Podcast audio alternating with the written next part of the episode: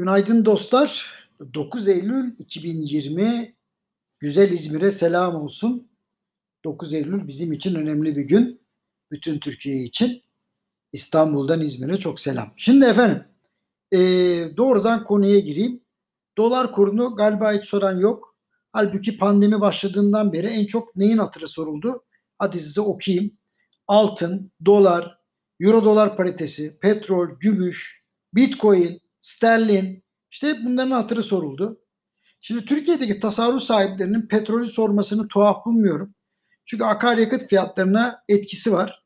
Bir de tuhaf dalgalanmalardan dolayı bir merak da oluştu. Böyle eksi falan oldu biliyorsunuz fiyatlar. Gümüş ve sterline sorması iştigal alanı ve herhalde maliyet unsurlarından. Bitcoin'i sorması genellikle gözü karalıktan. Euro dolar paritesini sorması alışkanlıktan. Doları sorması tabii ki adetten, altını sorması ise panikten oldu diyebilirim. Yani pandemi süresince hal hatır sorulan enstrümanların e, ve arkasındaki motivasyonları buydu. Şimdi o günler geride kaldı. Bugünlerde ne oluyor? Döviz kurları konusunda artık çok fazla yorum yapılmıyor. Bunun ilk sebebi rekabetçi kur söyleminin başlamış olması. İkincisi de piyasanın artık 7.50 seviyesini dünyanın sonu olarak görmemesi. Diğer taraftan döviz hesabı olanların kısa vadede yıllık %3 civarında mevduat faizi alabildiğini de duyuyorum. Özel bankaların e, bana getirmeyin dercesine düşük faiz teklif ettiğini de biliyorum.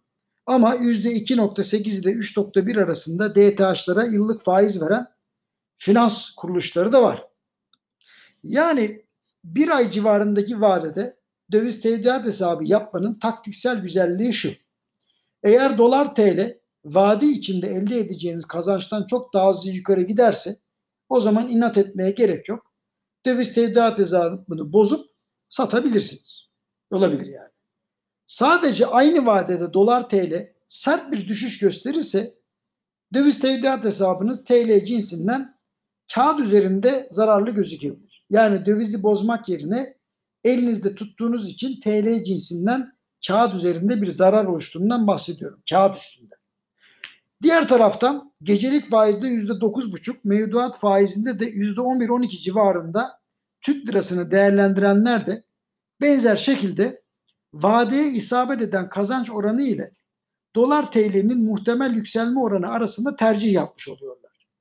Mesela dün akşam 7.48 civarında kapanış yapan kura bakarak yıllık %11 ile mevduat yapmış olanlar zarar etmeleri için dövizin gelecek sene aynı zamanlarda yani doların diyeyim 8.30'un üzerinde çık çıkmış olması gerekiyor.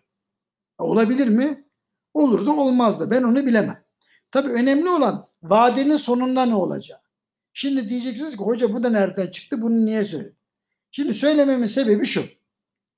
Çoğu tasarruf sahibi dolar TL yükselirken heyecanlanıp vadeden önce TL'yi bozup dolar satın alıyor.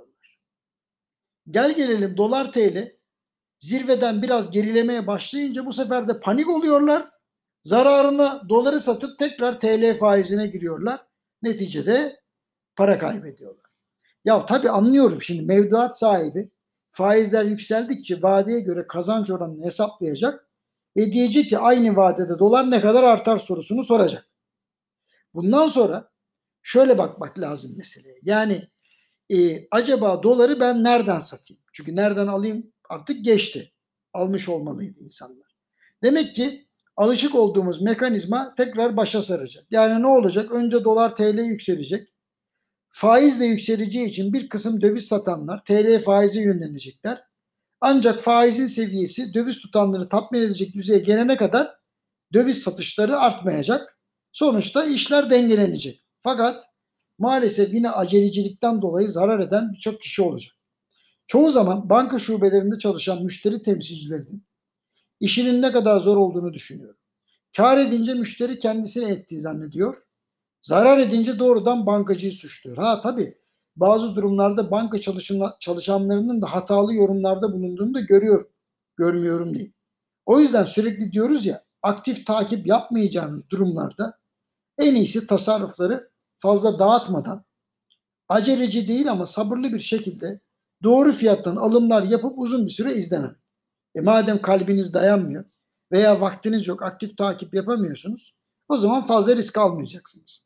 Şimdi tüm bu anlattıklarım sebebiyle finansal okul yazarlığının artması gerektiğini düşünüyorum. Sadece düşünmüyorum, elimden de geleni yapıyorum. Ve bütün yazılarımı ve videolarımı bu amaçla paylaşıyorum.